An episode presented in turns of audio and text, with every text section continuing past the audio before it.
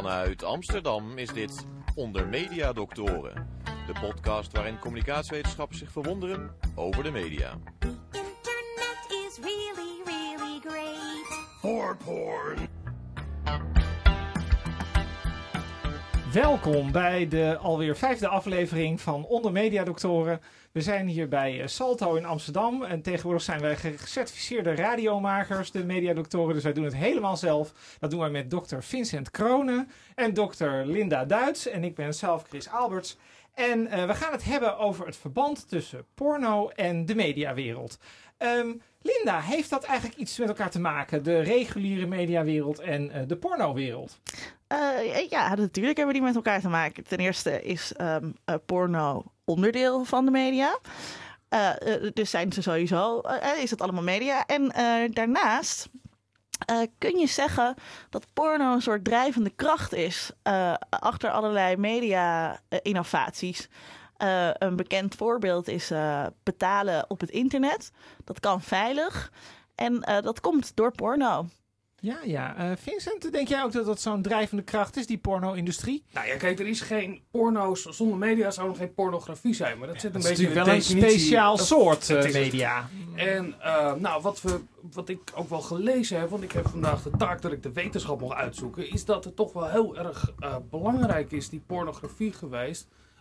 voor mensen dat het eigenlijk al sinds mensenheugen is. Op het moment dat we ook nog maar op muren gingen schilderen. Of in grotte dingen gingen we al vieze plaatjes maken. Dus ja, nee, het, is een belangrijke rol in de, het heeft een belangrijke rol in de media. Maar waarom doen we daar dan normaal gesproken zo, eh, ja, toch een beetje besmuikt over? Terwijl heel veel mensen dat consumeren. En eh, doen we dan net alsof dat helemaal niet hele gewone media zijn? Of doen we dat juist wel? Ehm, nou ja, wij doen dat natuurlijk wel als communicatiewetenschappers. Ik heb ook les gegeven over internet en porno aan 600 eerstejaars. En eh, dan doe je dat heel serieus. Eh, maar de reden waarom hè, gewone mensen, om maar even zo te zeggen, zo besmuikt erover doen, is omdat het dan extra vies is. En het is lekker als het een beetje vies is. Dus Ja, ja, seks ja. hoort een beetje stiekem verboden te zijn. Maar ik vind het ook wel fijn dat het iets is dat gebeurt in privacy en, en, en met enige anonimiteit. Ik lijkt me helemaal niet fijn. We hebben nu internet in de trein. Als mensen naast mij uitgebreid porno gaan zitten kijken. Nou, het Dus kan technisch Technisch wel. gezien is dat geen enkel probleem. Maar ik vind het ook wel fijn dat het eh, een beetje in de besmuikte hoek blijft hangen. Maar hoe ziet dat er dan uit, eh, Linda? Als je voor 600 mensen over porno gaat vertellen, wat vertel je daar dan serieus over? Ehm, je vertelt eh, er serieus over, omdat eh, het is een belangrijk onderwerp in de communicatiewetenschap. eh, als het gaat om hebben media en dan pornografische media een slechte invloed op jongeren, is, is bijvoorbeeld een vraag. Of op vrouwen. Dat zijn natuurlijk vragen waar media-effecten-onderzoekers zich mee bezighouden. En dat moesten we behandelen. En daarnaast kan je ook nog bijvoorbeeld zeggen, een beetje de tegenhanger van dat soort naar psychologisch effectonderzoek is dat het internet eh, eh, voor seks ook een hele veilige ruimte biedt. Denk bijvoorbeeld aan homoseksuele jongeren die eh, veel veiliger en anoniemer informatie kunnen inwinnen.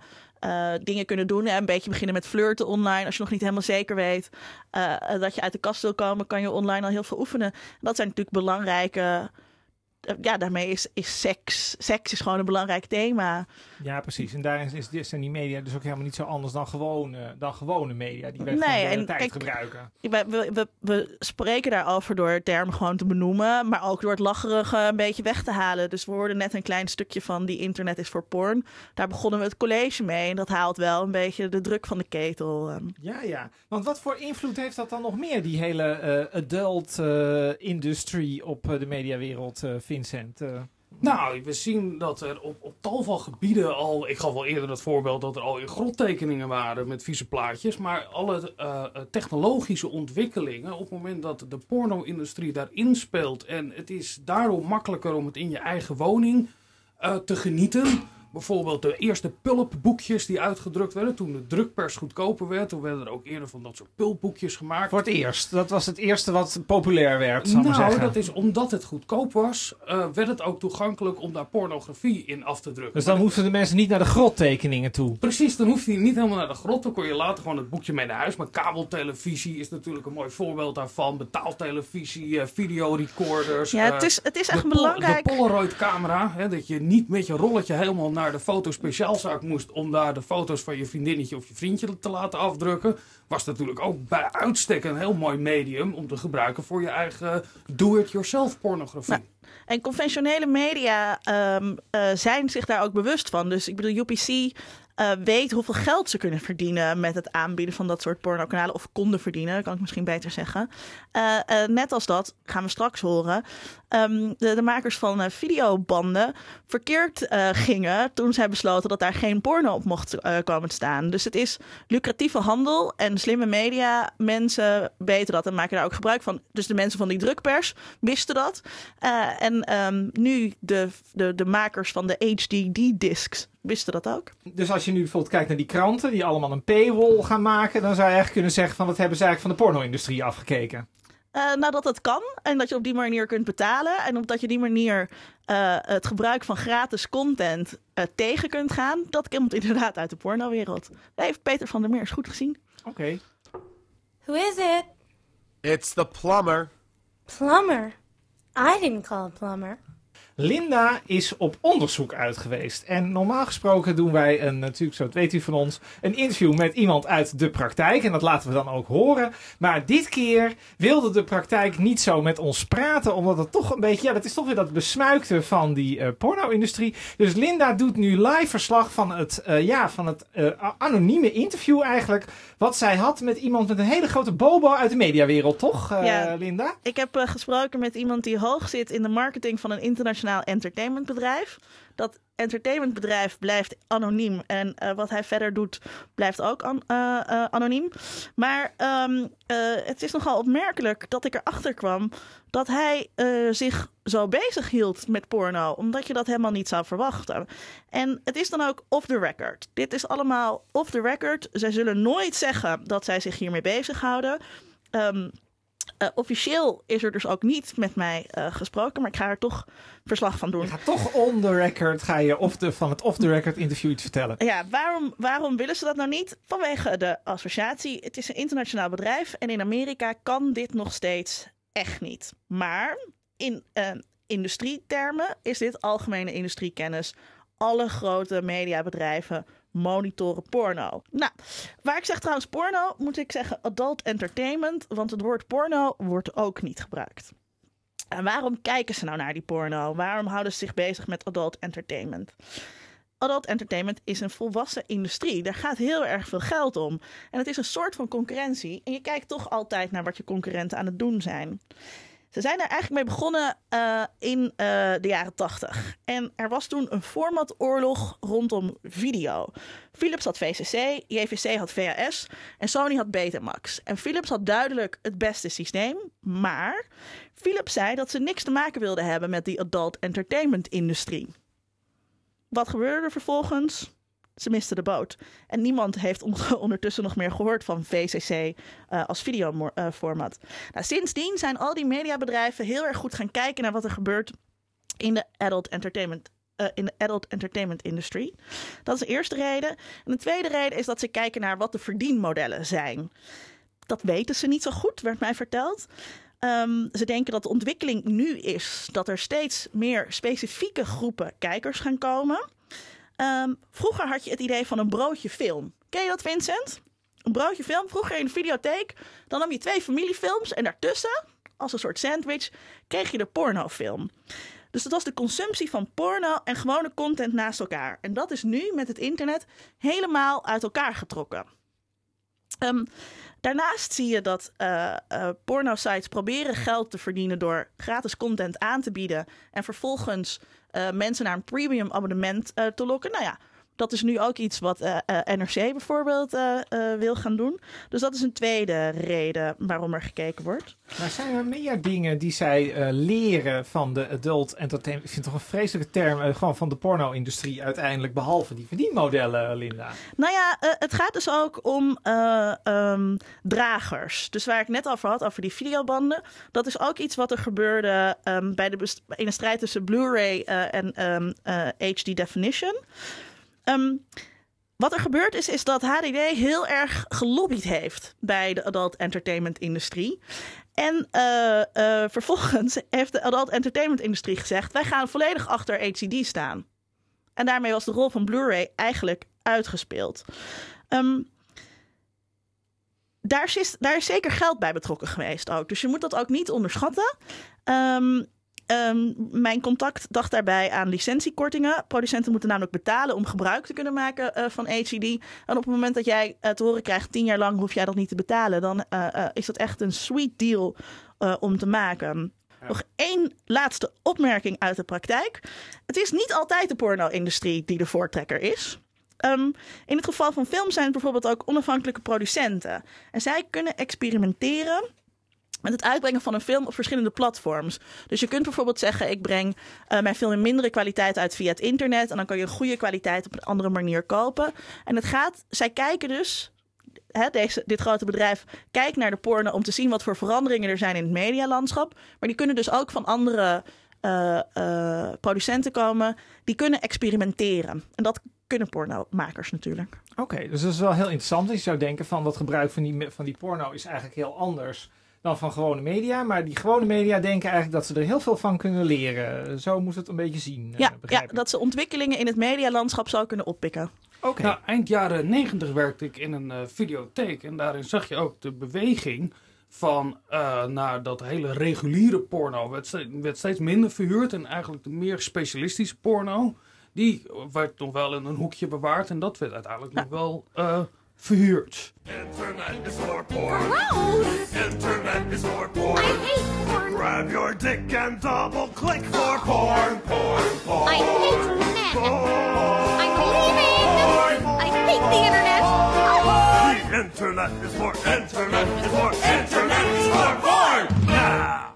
En dan, na dit prachtige clipje, gaan wij door naar de wetenschap. Want waar houdt de wetenschap zich niet mee bezig? Ongetwijfeld ook met porno. Zeker, Vincent. zeker. En we hebben al een paar keer de opmerking gemaakt over dat porno toch een belangrijke rol heeft gespeeld in uh, nou ja, de ontwikkeling van technologie. En er is eigenlijk één auteur die, waar vaak naar verwezen wordt, en dat is Jonathan Cooper Smith, die eigenlijk voor het eerst in de midden jaren 90 zo'n artikel heeft geschreven waarin hij zegt dat die porno-industrie daar een hele belangrijke rol in heeft gespeeld. Een artikel Pornography, Technology and Progress.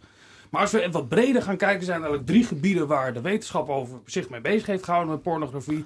Dat is natuurlijk de rechtsgeleerdheid die zich bezig heeft gehouden met pornografie. Mag het allemaal wel? Zeker de laatste jaren gaat het heel erg over pedofilie en pedonetwerken en dergelijke. De tweede, de psychologie. Hè, word je er slechter van? Ik geloof dat de laatste stand van zaken is. Als je redelijk goed bij je hoofd bent, word je niet slechter van. Ben je slecht bij je hoofd, dan word je er misschien wel slechter van.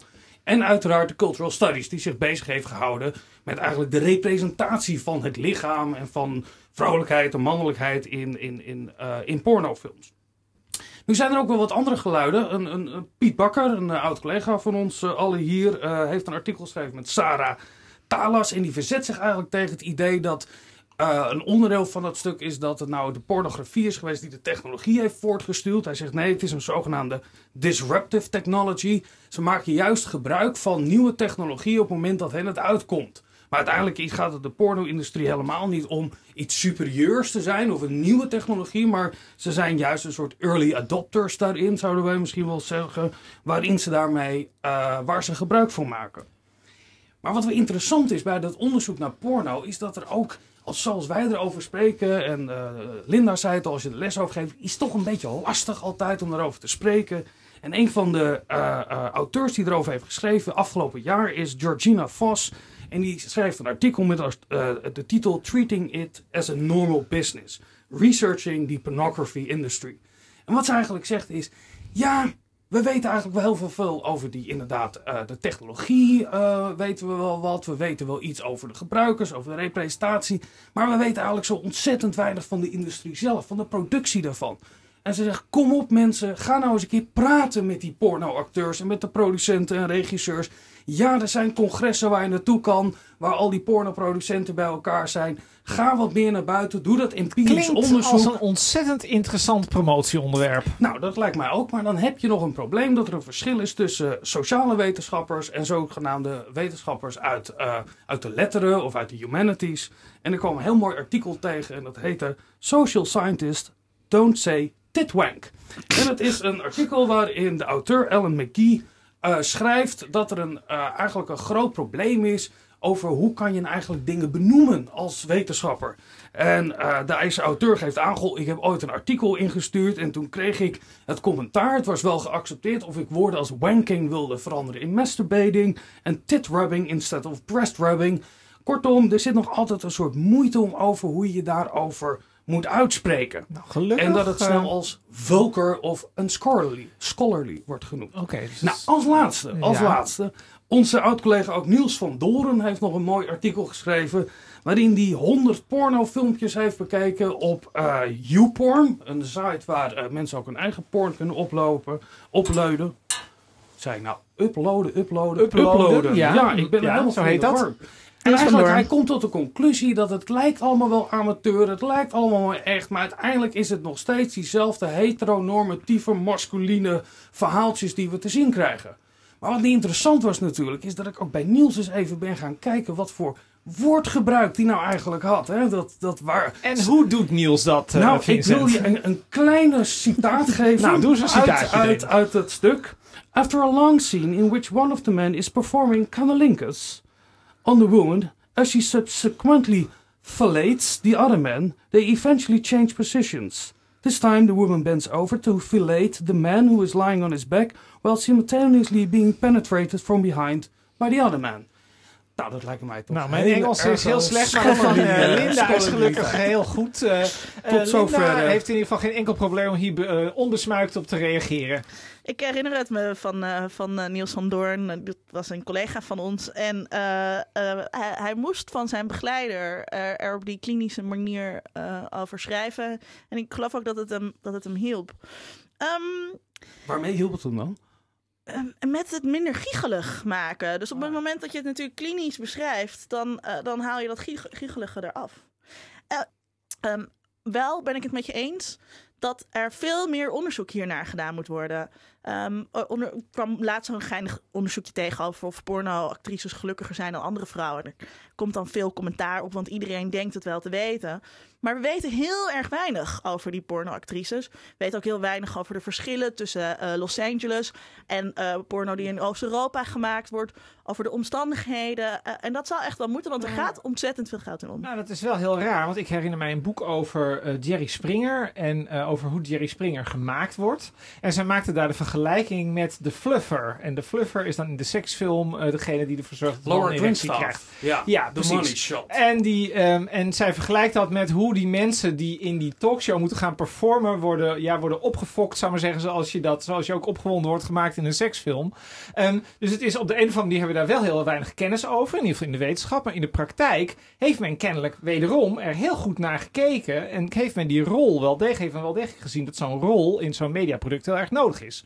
Nou, de, analogie, daar wordt in dat artikel dat ik aanhaalde, dat wordt wel gezegd van, joh, er is ontzettend veel getheoretiseerd. Hè? Er is, eh, Williams heeft erover geschreven dat het, het, de rol van, van, van vloeistoffen in, in, in verschillende genres, en porno onder andere daar ook in, dat daar een essentiële rol in speelt. Maar in dit artikel wordt er ook gezegd, jongens, ga eens naar buiten. Ga eens met iemand praten. Misschien helpt dat. Misschien krijgen we dan een dieper inzicht in de pornografie. Ja. Ehm, nou, dan zijn we alweer bijna aan het eind gekomen. En wij begonnen met ehm, ja, toch die observatie dat de videorecorder ooit is doorgebroken via, ehm, ja, via porno eigenlijk. Ehm, en dat de mediawereld misschien wel heel erg veel van de pornowereld leert, maar dat het eigenlijk toch een beetje onduidelijk is. En wat is nou ons antwoord daar eigenlijk eh, op, eh, Vincent? Eh, Nou, ik denk dat het, het, de- dat het ook een soort mythe is dat die pornografie eigenlijk die technologie zo ontzettend heeft voortgestuurd. Ik wil nog één argument van Piet Bakker aanhalen. Die zegt, die VHS die kon 180 minuten en dat kon Betamax niet. Dat is ook een argument voor porno. Dat je dat in een video dus het is ook een heel, dus eigenlijk ook een heel sexy argument om gewoon te zeggen van, oh, maar dat komt allemaal door de porno, terwijl er ook allerlei andere redenen zijn. Ik denk dat je gelijk hebt door te, door te zeggen dat het heel sexy is. Als je daarmee kunt schermen, dat staat ook leuk aan de borreltafel. Goh, wist je wel dat porno zo'n drijvende kracht is? Maar je moet het inderdaad eh, eh, niet overschatten. Eh, en wat ik zei vanuit eh, mijn contact. Het gaat om het gehele medialandschap. Daar maakt eh, de eh, adult entertainment industry een onderdeel van uit. Dat moet je niet ontkennen, eh, maar je moet het ook niet overdrijven. Oké, we komen aan het eind van onze uitzending. Dit was Onder Media Doctoren. Tot de volgende keer. Onder Mediadoktoren is een podcast van Chris Alberts, Vincent Kronen en Linda Duis. Meer informatie op www.ondermediadoktoren.nl